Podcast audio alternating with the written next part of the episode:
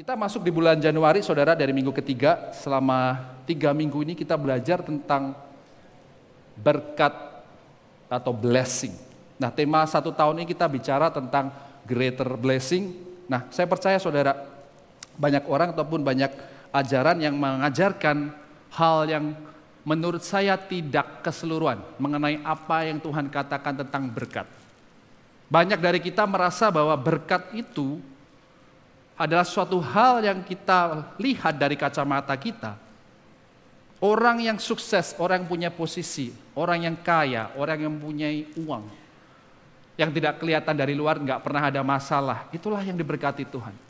Sedang kita berpikir bahwa orang yang mungkin secara material berkekurangan, ataupun orang yang begitu banyak struggle dalam hidupnya, harus menghadapi segala cobaan, berarti orang ini tidak diberkati Tuhan. Nah kita belajar banyak kalau Bapak Ibu Saudara sekalian melewatkan beberapa minggu ini, pastikan Anda bisa uh, cek di YouTube kami, uh, Pastor Raymond dan Pastor Indra minggu lalu bicara tentang blessing redefine, bagaimana mereka menjelaskan arti kata berkat itu menurut kebenaran firman Tuhan. Nah, pada sore hari ini saya akan melanjutkan lagi dari series tentang berkat, Judul khotbah saya adalah When Jesus Calls atau waktu Yesus memanggil kita. Saya percaya dari setiap kita di tempat ini datang ke gereja atau mengikuti Yesus mempunyai suatu alasan tertentu. Saya pribadi saudara, saya mengenal Yesus dan datang ke gereja. Alasan saya satu saudara pada waktu itu adalah karena kebaikan teman saya yang percaya kalau saya diajak terus lama-lama saya mau datang ke gereja sendiri tanpa harus dijemput lagi. Jadi selama hidup saya waktu saya SMA, selama tiga tahun teman saya mengajak saya ke gereja tanpa lelah setiap sore meskipun dengan berbagai alasan. Tukang AC datang, sakit perut, uh, ketiduran. Tapi tiap minggu dia selalu menelpon saya dan menjemput saya untuk datang ke gereja. Yang padahal rumahnya dia itu kalau ke gereja saudara, cuman 15 menit. Tapi karena menjemput saya jadi setengah jam lebih, 45 menit. Dulu Surabaya gak semacet ini saudara, jadi jarak masih bisa ditempuh dalam waktu yang singkat. Tetapi singkat cerita, karena kebaikan dari teman saya ini, saya jadi datang ke gereja. Saya belajar untuk mengenal Yesus dalam kehidupan saya. Akhirnya saya bisa sampai pada sekarang ini. Saya percaya saudara dari setiap kita. Waktu saya bertanya kepada kehidupan saudara sekalian, kenapa saudara datang ke gereja? Kenapa saudara percaya dan mengikuti Tuhan Yesus sebagai Tuhan dan Juru Selamat? Adalah suatu pertanyaan yang kita akan lama-lama dalam suatu momen dalam hidup kita akan kita tanyakan waktu kita menjalani kehidupan ini. Nah, kita akan belajar sesuatu pada sore ini. Bear with me, uh, saya siapkan papan ini karena saya percaya uh, sedikit kita belajar. Oke okay ya, meskipun sore sudah pada makan siang, kalau belum nanti minta Pastor Stefanya traktir sore hari ini. Ada makan bersama-sama. Alright, judul khotbah saya pada sore adalah When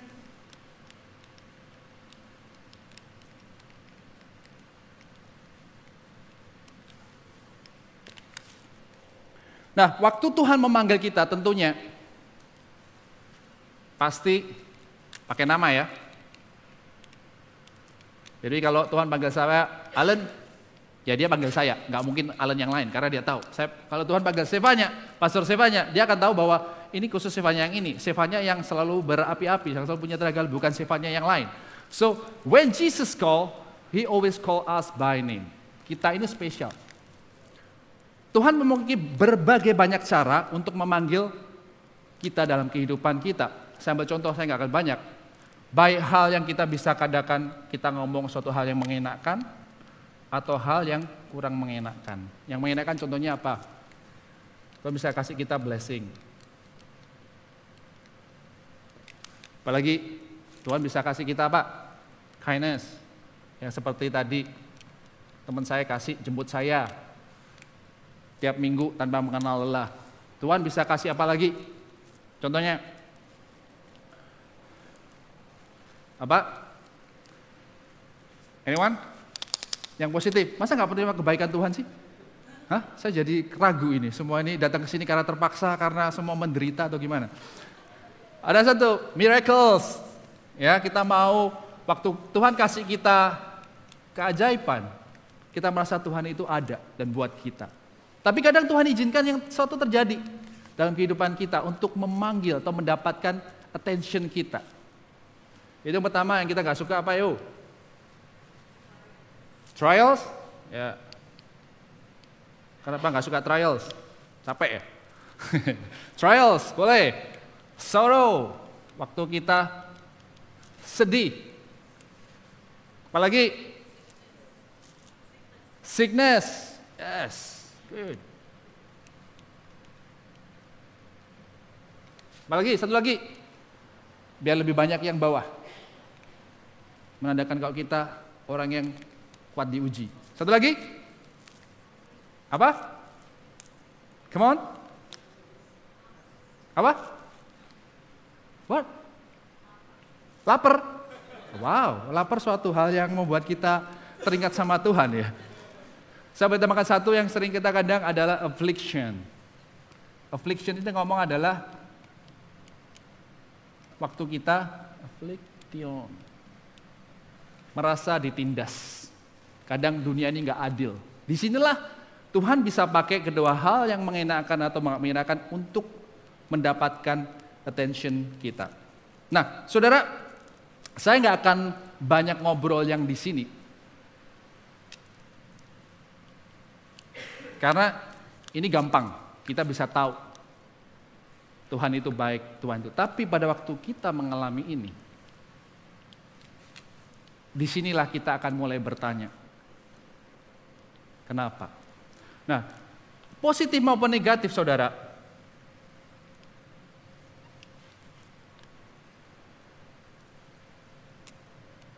Tuhan selalu punya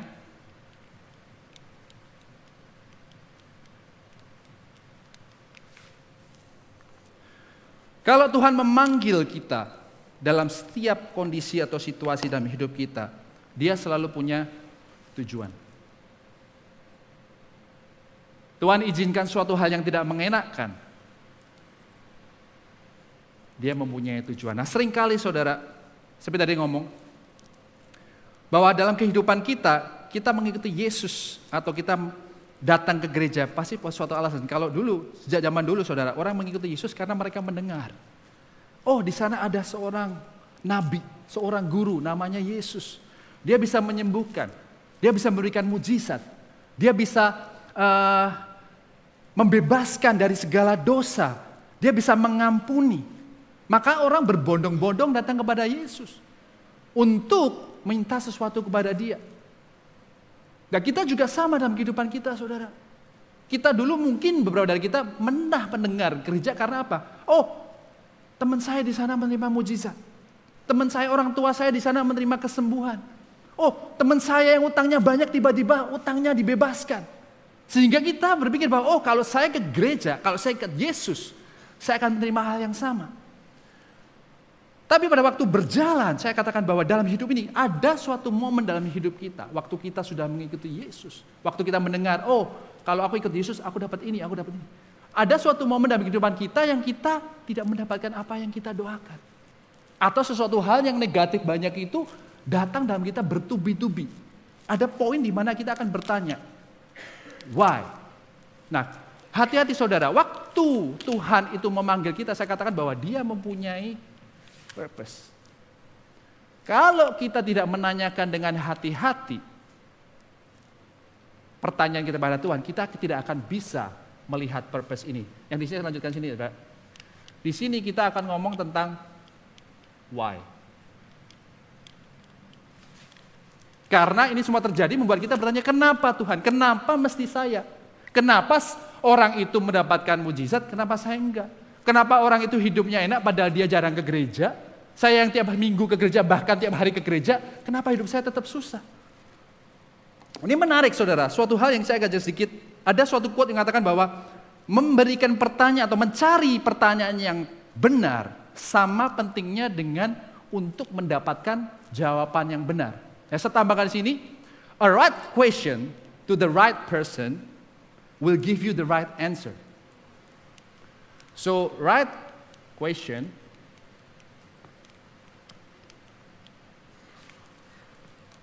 right person equals to right answer. Nah sering kali kita terlalu meremehkan tentang bertanya atau mempertanyakan sesuatu dengan benar. Kita tanyanya ngasal karena kita mengalami hal yang gak enak, kita tanya selalu tanya Tuhan mengapa? Kita malas ataupun kita nggak berani ataupun kita nggak mau bertanya bahwa sebenarnya Tuhan itu apa maksudnya. Mungkin karena kesedihan kita yang terlalu dalam, kesedihan kita yang terlalu luar biasa membuat kita tidak mempertanyakan itu. Nah saya kasih contoh saudara, ilustrasi bagaimana mempertanyakan pertanyaan yang benar kepada orang yang benar akan equal dengan jawaban yang benar. Saya punya pengalaman dengan istri saya. Jadi contohnya yang ini adalah pertanyaan yang salah kepada orang yang benar. Equalnya jawaban yang salah.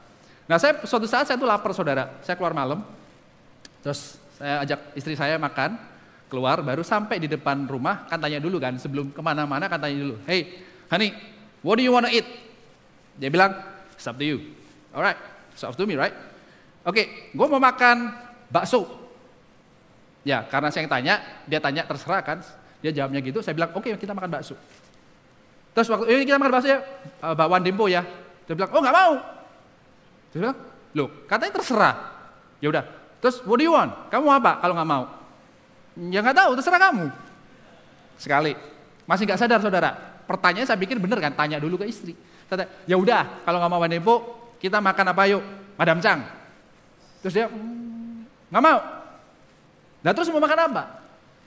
Sampai tiga kali saudara saya nyerah. Para suami yang pernah merasakan, gak usah angkat tangan, pastikan tenang aja, you not alone.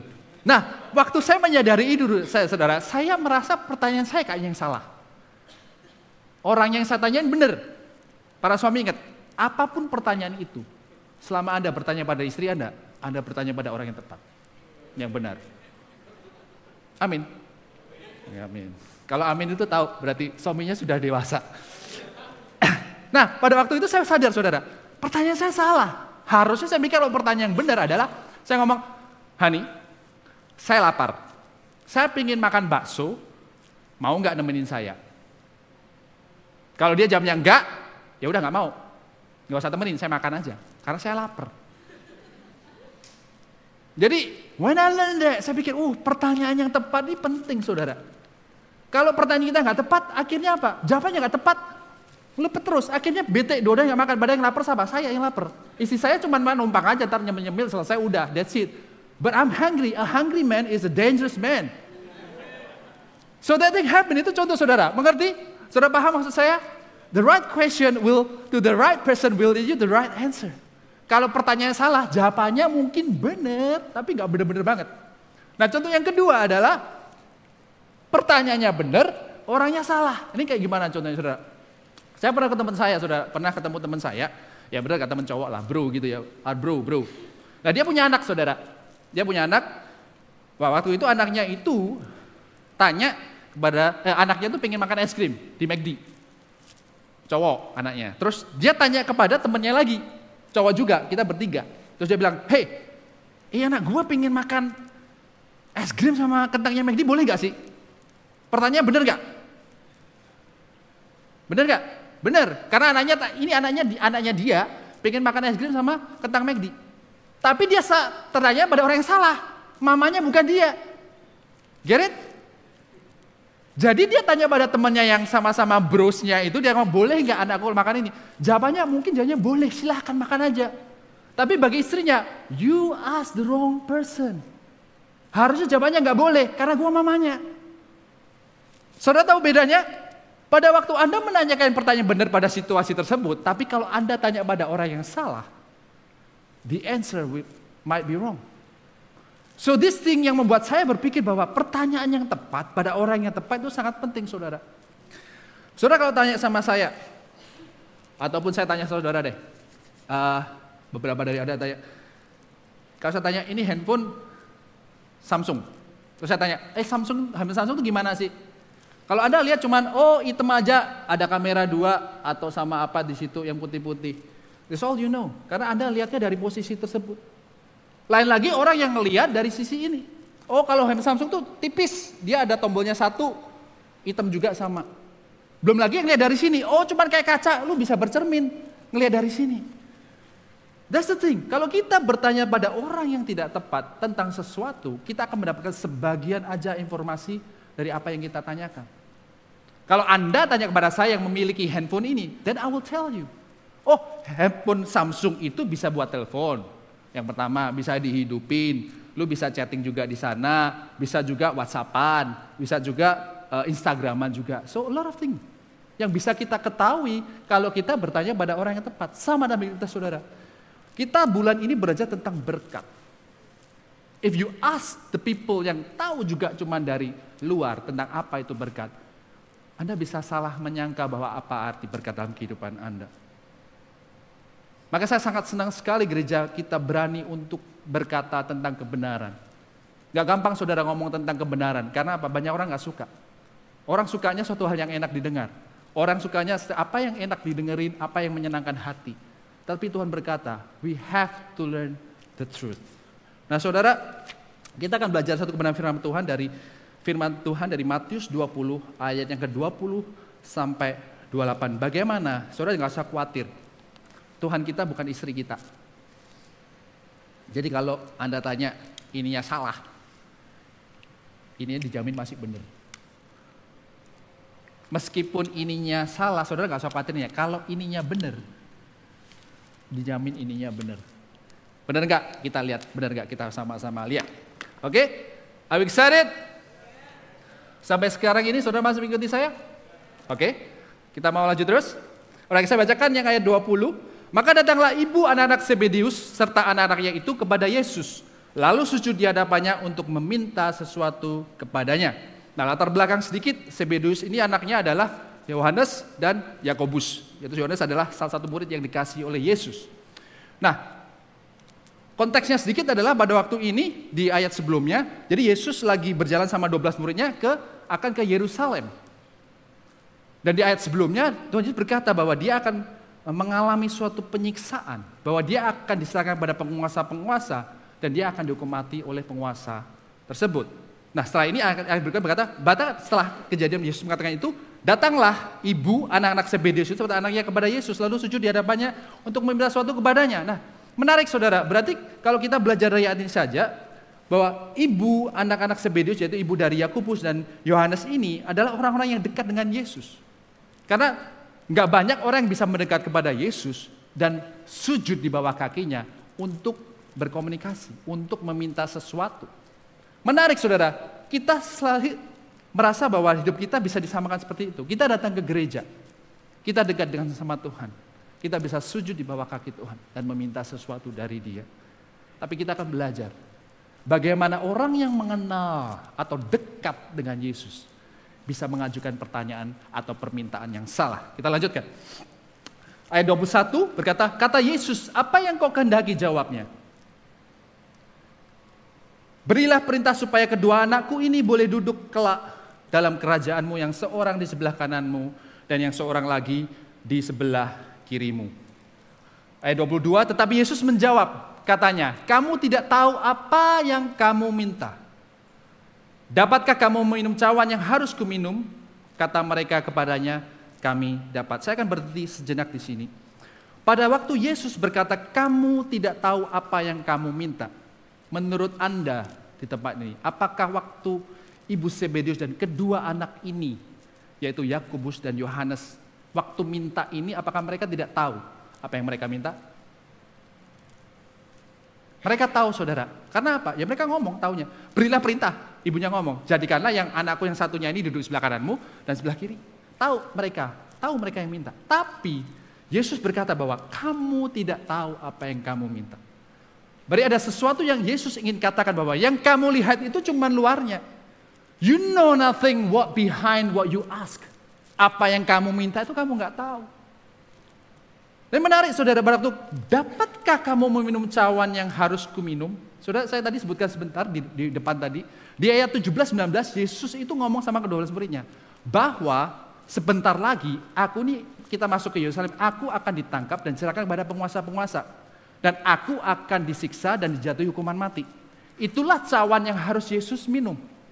Dia akan menderita karena dia harus menebus dosa manusia. Dia harus mati di atas kayu salib untuk menebus dosa manusia. Nah saya nggak tahu si ya, Yakobus sama Yohanes sama ibunya ini dengar nggak waktu Yesus, tapi saya asumsikan dia dengar. Mereka dengar karena mereka jalannya bersama-sama. Pada waktu Tuhan berkata, dapatkah kamu minum yang harus kau minum? Kata mereka bertanya, kami dapat. Ini luar biasa saudara. Kalau saya jadi dua murid ini, saya akan berpikir lagi. Siapa yang siap disalibkan? Siapa yang siap untuk dibunuh? Untuk mendapatkan sesuatu yang mungkin. Yang mungkin ini Yesus ngomong tentang kerajaan surga, kerajaan yang saya nggak tahu sama sekali. Murid-murid ini nggak ngerti tentang kerajaan surga. Yang mereka tahu adalah kerajaan Romawi. Mungkin Yahudi zaman dahulu seperti raja-raja Daud dan sebelumnya. Tapi kedua murid ini yakin, nggak apa-apa, I will drink that cup. Saudara dalam kehidupan kita sering kali kita merasa yakin saudara. Saya banyak melihat begitu banyak keluarga, terutama mungkin seorang suami. Yang mereka berpikir bahwa melihat Instagram seseorang bahwa keluarga yang bahagia adalah keluarga yang bisa libur ke mana aja. Have the picture together with the kids, foto kanan, bangun tidur, tiba-tiba di belakang sudah ada pantai dan lain-lain. And they willing to work so hard, so hard, really hard, untuk dapat duit untuk bisa liburan ke sana. Tapi dalam mereka melakukan proses itu, mereka nggak ngerti yang didapatkan dari foto itu apa? Keluarga yang bahagia itu yang gimana? Yang benar-benar bahagia buat keluarganya? He never know. Dia nggak ngerti. Makanya waktu dia bekerja, dia menghabiskan waktunya begitu banyak hanya untuk mendapatkan duit. He never spend time with the family. Dia nggak pernah berada di rumah karena saya aku harus bekerja, aku harus bisa kita harus bisa liburan ke tempat tersebut untuk bisa bahagia seperti yang kita lihat di sana.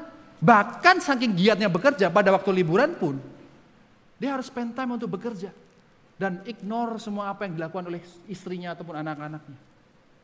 And then waktu mereka bersama, eh bete-bete, yaudah kita take foto lah, foto, ceret, masuk Instagram. It's a happy family. Tapi mereka nggak sadar harga yang harus dia bayar untuk sacrifice the whole family for the ideal things yang dipikir mereka adalah kebahagiaan keluarga. Itulah yang dilakukan oleh dua murid ini. Mereka meminta sesuatu yang kelihatan cuma di depan aja, tapi dalamnya nggak tahu. Ini meminta sesuatu yang salah kepada orang yang benar. Yesus memang bisa memberikan segala sesuatunya. Maka Yesus ngomong, kamu tidak tahu apa yang kamu minta. Nah, yang menarik saudara. Tapi dua murid ini ngeyel saudara. Ya udahlah. Dia bilang, mampu Tuhan. Nah kalau saya jadi Tuhan, uh, lu yuk mampu-mampu nonton naik. But you know what? We're grateful that we have a good God. Ayat selanjutnya berkata, Tuhan Yesus berkata kepada mereka, Cawanku memang akan kamu minum. Masih sabar saudara, nadanya masih biasa. Tetapi hal duduk di sebelah kananku atau di sebelah kiriku, aku tidak berhak memberikannya. Itu akan diberikan kepada orang-orang bagi siapa Bapakku telah menyediakannya. Saudara, ayat ini berbicara bahwa dalam setiap Tuhan memanggil dalam kehidupan kita, ada sesuatu yang kita minta dalam Tuhan. Ada sesuatu yang harus kita bayar. The cup dia bilang cawan yang aku minum, Tuhan minum, akan murid juga minum juga. Kita semua sebagai Yesus akan meminum dari cawan tersebut. I'm not saying that kita harus semua disalib, di persecution, harus dihajar, harus dihadiri semua enggak. Tapi ada sesuatu, you know, mungkin penderitaan atau penyakit atau kesedihan atau penganiayaan, ketidakadilan yang harus kita hadapi untuk kita bisa hidup berkenan kepada Tuhan. Cawan yang kita minum ini waktu berjanjian lama makanya murid ini saya melihat bahwa dia, mereka tidak sadar mungkin apa yang mereka, karena cawan berbicara tentang suatu hal yang positif dan negatif. Cawan itu berkata tentang suatu hal yang blessing, berkat, ataupun sorrow, suatu hal yang sedih, yang harus dia harus lalui. Bicara tentang affliction, bicara tentang blessing.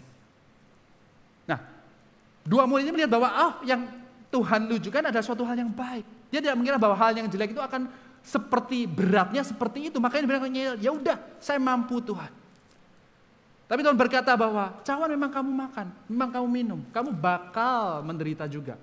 Tapi hey, meskipun kamu menderita, Tuhan berkata, aku tidak memberikannya itu karena berikan kepada orang-orang bagi siapa Bapakku telah menyediakan. Dari ayat ini saudara saya belajar bahwa setiap dari kita memiliki porsi dalam kehidupan kita sendiri. Waktu kita berpikir bahwa kenapa orang yang di sebelah sana diberkati Tuhan lebih banyak. Kenapa keluarga yang sebelah sana baik-baik saja. Kenapa keluarga gua harus seperti ini. Kenapa orang yang di sana lebih mudah hidupnya, kenapa hidup saya? Padahal saya sama-sama pelayanan. Saya sama-sama juga melayani bersama di departemen yang sama. Saya bekerja di tempat yang sama-sama dia, kelakuannya juga juga nggak bagus-bagus amat. Firman ini berkata bahwa dalam kehidupan kita, apa pun cawan yang harus kita minum, porsi kita berbeda dari setiap orang. Tuhan mengajarkan bahwa dalam hidup kita, untuk kita tidak iri atau melihat dengan porsi dari orang lain dalam kehidupan kita. Ada amin saudara? Banyak dari kita merasa bahwa kehidupan orang lain lebih baik dari kehidupan kita. Karena kita fokusnya ke diri kita. Kita nggak belajar bahwa dalam setiap kebenaran yang Tuhan kasih, ada porsi yang diberikan dalam kehidupan kita. Mari kita lanjutkan ayat 24. Kita masih sadar saudara ya, pertanyaan dari permintaan dari kedua murid ini. Permintaan yang salah menurut Yesus. Tetapi Tuhan dengan sabar saudara. Kita akan perhatikan di ayat 24. Mendengar itu marahlah ke sepuluh murid yang lain kepada kedua saudara itu. Nah, saudara, saya interesting saudara. Di ayat ini saudara, kenapa sepuluh murid itu marah saudara? Ada yang mungkin mau kasih pendapat, kenapa waktu Yakobus dan juga Yohanes waktu ngomong minta kepada Tuhan, tolong kalau nanti suatu saat kerajaanmu datang, biarkan kami berdua duduk di sebelah kanan dan sebelah kiri. Terus mendengar ini, 10 murid yang lain itu marah saudara. Kira-kira kenapa mereka marah? Bisa berikan saya sedikit pendapat? Gak ada? Iri? Yang lain? Hah? Apa? Jengkel. Jengkelnya kenapa? Kurang ajar. Kenapa kurang ajar? Karena minta. Oh jadi kalau kita minta sesuatu pada Yesus kurang ajar ya. Ini menarik saudara, ini nggak ada di Alkitab. Uh, saya cuma menggunakan nalar saya sebagai seorang uh, murid yang belajar tentang kebenaran firman. Ini menarik saudara. Bagi saya ke 10 murid ini marah kepada dua saudara itu, saya lihat di ayat berikutnya. Kalau logika saya, kalau Yesus membenarkan ke 10 murid itu marah kepada dua saudara itu, maka saya percaya marah mereka benar.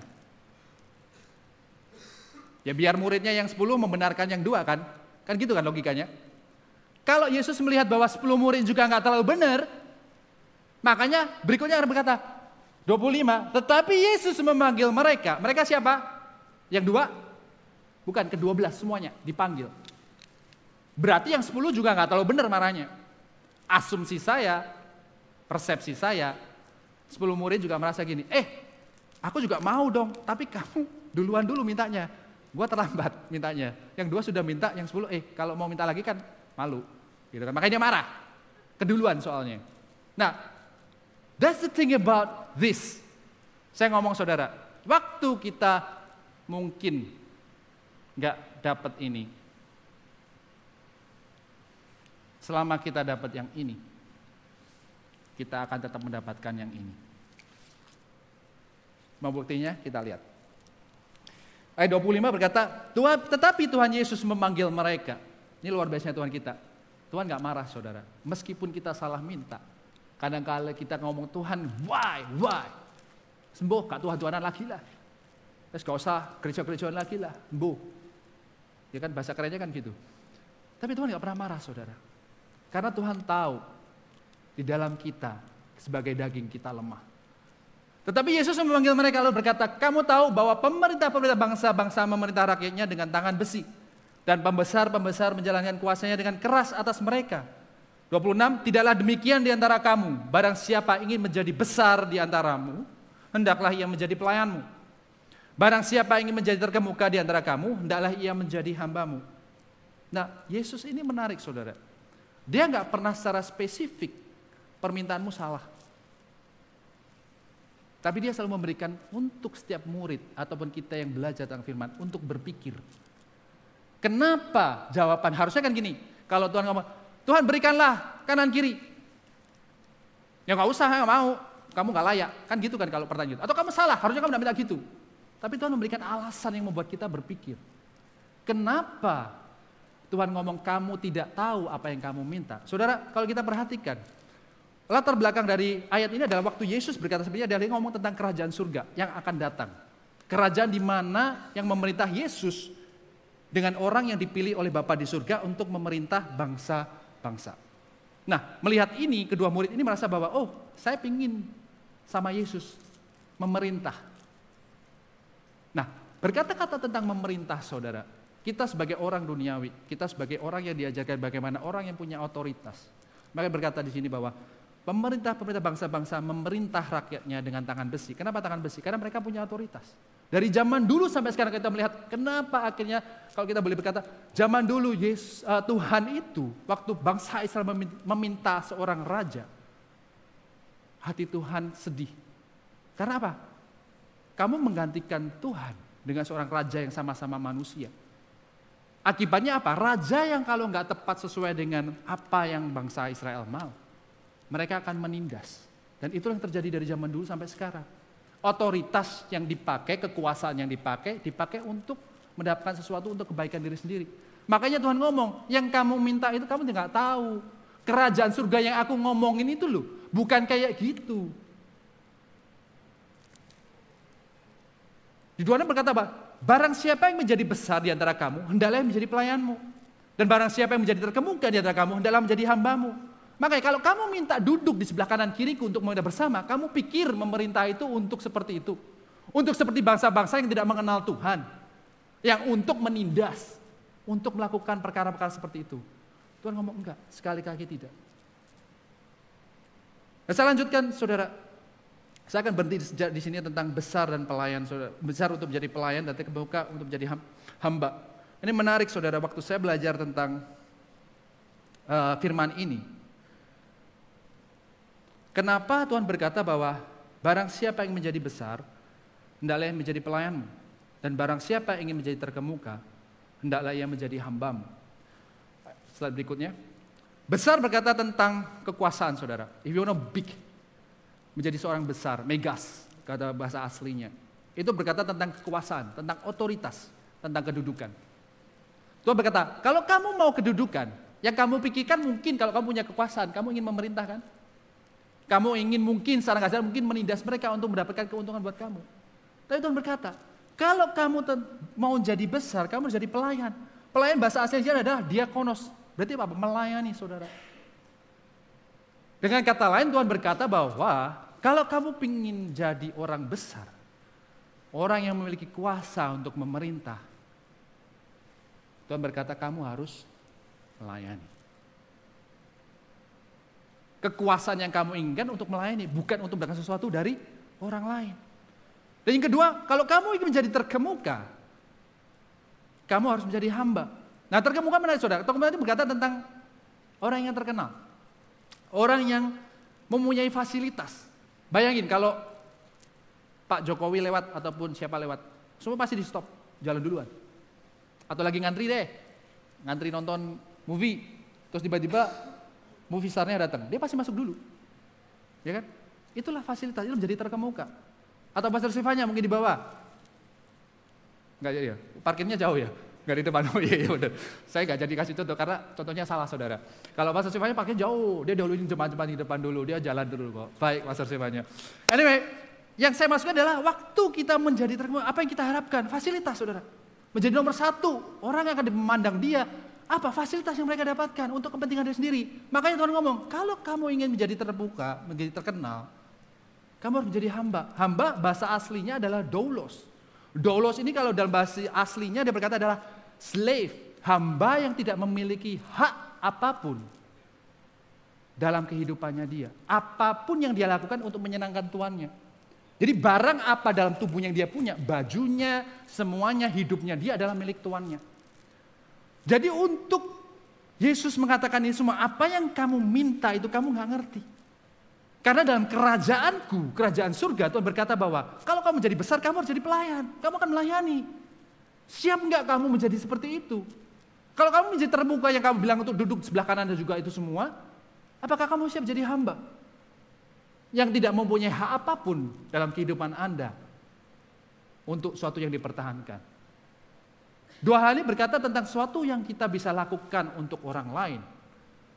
Sesuatu yang terkemuka dan sesuatu yang kita lakukan untuk diri kita sendiri. Kita harus belajar saudara. Lewat firman ini kita berjalan pada malam hari ini bahwa apa pun yang kita lakukan, yang Tuhan izinkan terjadi dalam kehidupan kita. Pada waktu kita bertanya kepada Tuhan, meminta sesuatu kepada Tuhan. Meskipun seberapa dekat kita dengan Tuhan, seberapa kita mengenal Tuhan, janganlah kita berhenti untuk mengenal Tuhan lebih dalam lagi. Kita kita tahu belajar pada sore hari ini, bahwa orang yang dekat sama Tuhan pun sujud menyembah pada dia, bisa meminta sesuatu yang Tuhan berkata, kamu tidak tahu apa yang kamu minta. Saya tutup dengan ayat ke-28. Sebelum saya masuk ke 28, saya ingatkan lagi, pertanyaan adalah, duh terjadi kita gimana pastor? Apakah kita nggak boleh jadi seorang yang besar? Apakah kita nggak boleh minta sama Tuhan bahwa hidup kita diberkati, menjadi kaya? Menjadi seseorang yang punya otoritas, menjadi terkenal, menjadi seorang superstar. Dalam Alkitab nggak pernah Tuhan melarang hal tersebut, saudara. Tapi yang Tuhan ingin pastikan adalah hati saudara. Pada waktu saudara meminta ini, apakah saudara mengerti kebenaran dari apa yang Tuhan mau pada saat Anda menerima semua apa yang saudara doakan. Ayat 28 berkata, sama seperti anak manusia datang bukan untuk dilayani, melainkan untuk melayani dan untuk memberikan nyawanya menjadi tebusan bagi banyak orang. Saudara saya berucap syukur saudara. Di ayat terakhir ini, Tuhan membuktikan dirinya bukan seorang yang hanya berteori. Gampang ngomong saudara. Ngomong tentang kalau kamu belum jadi besar, oh jadi besar melayani dong. Kadang kita pun kalau jadi besar kita kadang lupa juga kenapa dan apa yang harus kita lakukan untuk bisa membagikan berkat melayani sesama. Ayat ini berkata bahwa Tuhan datang bukan untuk dilayani, melainkan untuk melayani dan untuk memberikan nyawanya menjadi tebusan bagi banyak orang. Saudara, I will close with this. Um, pada waktu kita sering mengalami hal-hal yang tidak mengenakan, hal-hal yang kurang berkenan dalam kehidupan kita. Kita sering bertanya, why? Saya juga pernah mengalami saudara dalam kehidupan saya. Pada waktu Tuhan izinkan saya mengalami itu, Tuhan memanggil hidup saya dan berkata, saya bertanya gitu. Kalau kita normalnya saudara waktu dipanggil, kalau saya tanya, Pastor Chef, apa jawaban kira-kira yang akan dia berikan? Apa? Kenapa? Apakah katanya? Kenapa? Saya makanya kan baik-baik, Pastor Chef. Tanya kan masih apa? Tapi sering kali dalam hidup kita, kita itu begitu Tuhan pakai sesuatu untuk memanggil dalam hidup kita hal yang kurang menyenangkan. Kita tanyanya kenapa? Kenapa Tuhan? Kenapa Tuhan? Kenapa harus mengalami ini? Ada suatu cerita saudara dalam kehidupan saya pribadi. Waktu saya kehilangan anak saya yang pertama, Uh, there's a time that I, I asked God and replied the same thing yang baru saya omongin, yaitu saya tanya Tuhan why. Saya ngomong Tuhan saya nggak pernah minta dengan menangis dan menyembah dengan permintaan yang bercucuran mata untuk seorang anak. Kalau saya bilang sama Tuhan, Tuhan, if you give, I'll receive. If you don't give, it's okay, I still love you. Tapi Tuhan izinkan saya mempunyai seorang anak dan dia meninggal uh, pada waktu dilahirkan karena dia memiliki kelainan di jantung. She survived about 45 minutes. And I give thanks to God sampai sekarang aku bisa melihat dan bisa memeluk even just for a, for a moment. Dan ada suatu momen di mana saya bertanya sama Tuhan juga sama saudara, why? Why? Jawabannya Tuhan, waktu itu ngomong sama saya, have faith and know that I'm good. Nggak nyambung saudara. Saya tanya why? Kok jawabannya berimanlah and have faith that I'm good. Aku bilang, no Tuhan, why? Aku tanya why? Kenapa kamu izinkan? Tapi jawabannya Tuhan itu. And then I realize soon, berjalan dengan waktu banyak orang menghibur, banyak orang datang dengan a good word, a good counsel in my life. Lewat pastorals, lewat people around me yang berdoa, yang yang berduka dan bersorrow juga dalam kehidupan saya. Mereka ngomong, hey, we pray for you, don't worry, we with you and everything. And my life, I I began to change my attitude. I began to change my heart. And I asked God, God, through this, what do you want me to do? What do you want me to feel and what do you want me to react on this? I learn to change my question. Instead of why, I change to what God. Waktu saya tanya, Tuhan, apa yang bisa aku lakukan dari apa yang Tuhan izinkan terjadi? And just this morning, um, Ci Ana, she's a uh, Paul's wife, uh, pastor dari Australia, IGF Sydney. He just came to me and just, eh, kita ngobrol-ngobrol cicet, gitu. Terus tiba-tiba dia ngomong, hey, you know what? I'm so blessed by you. I said, no, I don't know you. You don't know me that well juga. Kita cuma kenal ya karena kita pernah ketemu dan lain. Dan saya, why, why? I said, why, why, why?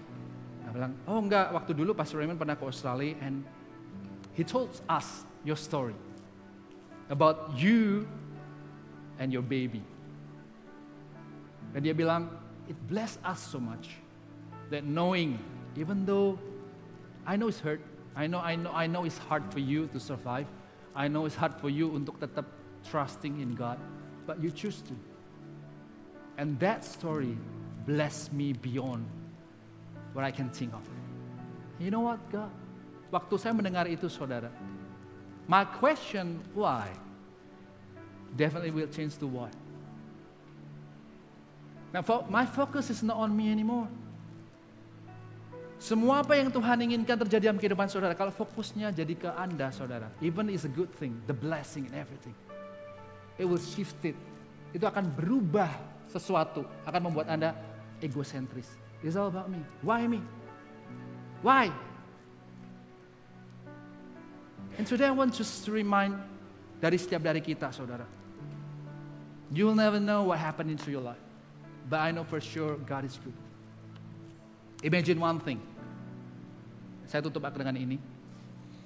Imagine that Jesus is praying in the Gethsemane. The final moment before he got crucified. Waktu dia berdoa sama Tuhan, dia ngomong Tuhan. Dia tanya sama Tuhan, why I have to die? Why I have to suffer? I have to die on the cross. I have to receive all this, you know, hal yang menyakitkan, yang membuat aku harus menderita. Imagine when Jesus say to God, why God? Dan dia memutuskan untuk tidak.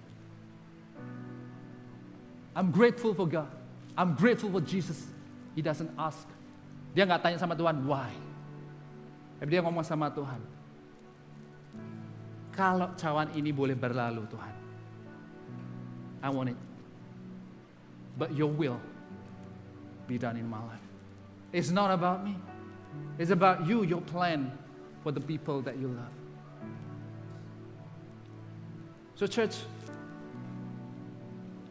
if Jesus say why, there won't be salvation. But when Jesus say yes, what God, what I can do, there's salvation for every one of us. Beberapa berkata, dia datang untuk melayani dan untuk memberikan nyawanya menjadi tebusan bagi kita semua. If things happen in your life, I don't know what it is. And you feel that God, you're starting asking God, why? Why this happened to me? Why? Change your heart. Change your mind. And change this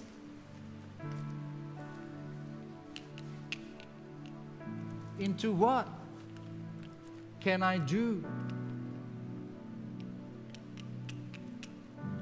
So, you fulfill God's purpose in your life.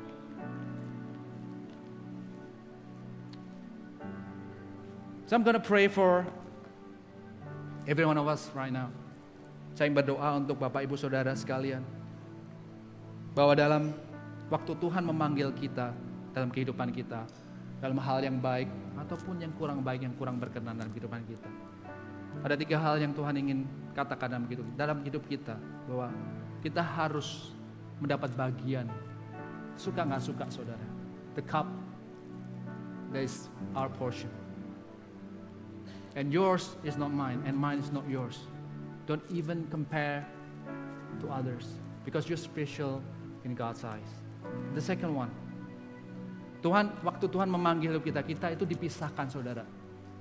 Dan kita diubahkan cara berpikir kita terhadap apa yang dunia ingin berikan dalam kehidupan kita. It's all about me. Dunia berkata bahwa it's all about me. If you don't get it, it does it means that you God is not good. If you not get healed, God is not good. If you don't get the blessing that you want, God is not real. That's the word I want to say. If you have power, use it. Buat menekan semuanya, cari untung sebanyak-banyaknya. Tekan mereka yang gak punya duit, hancurin semua. That's the value yang Tuhan waktu Tuhan memanggil dalam hidup saudara. He wants us to change our paradigm. Cara kita berpikir. Penguasa yang melayani bukan penguasa yang menindas. Seorang yang terkenal, terkemuka, tapi rela memberikan bagiannya buat orang lain. Dan yang terakhir adalah when Jesus calls, there's salvation. Saya mengalami saudara. You don't have to follow everything yang aku ceritain dan semuanya. Hey, it happens to me. Doesn't matter that have, harus terjadi dalam kehidupan saudara. But one thing is for sure. If God calls you, He'll provide salvation in your life. Pertolongan itu akan tepat pada waktunya.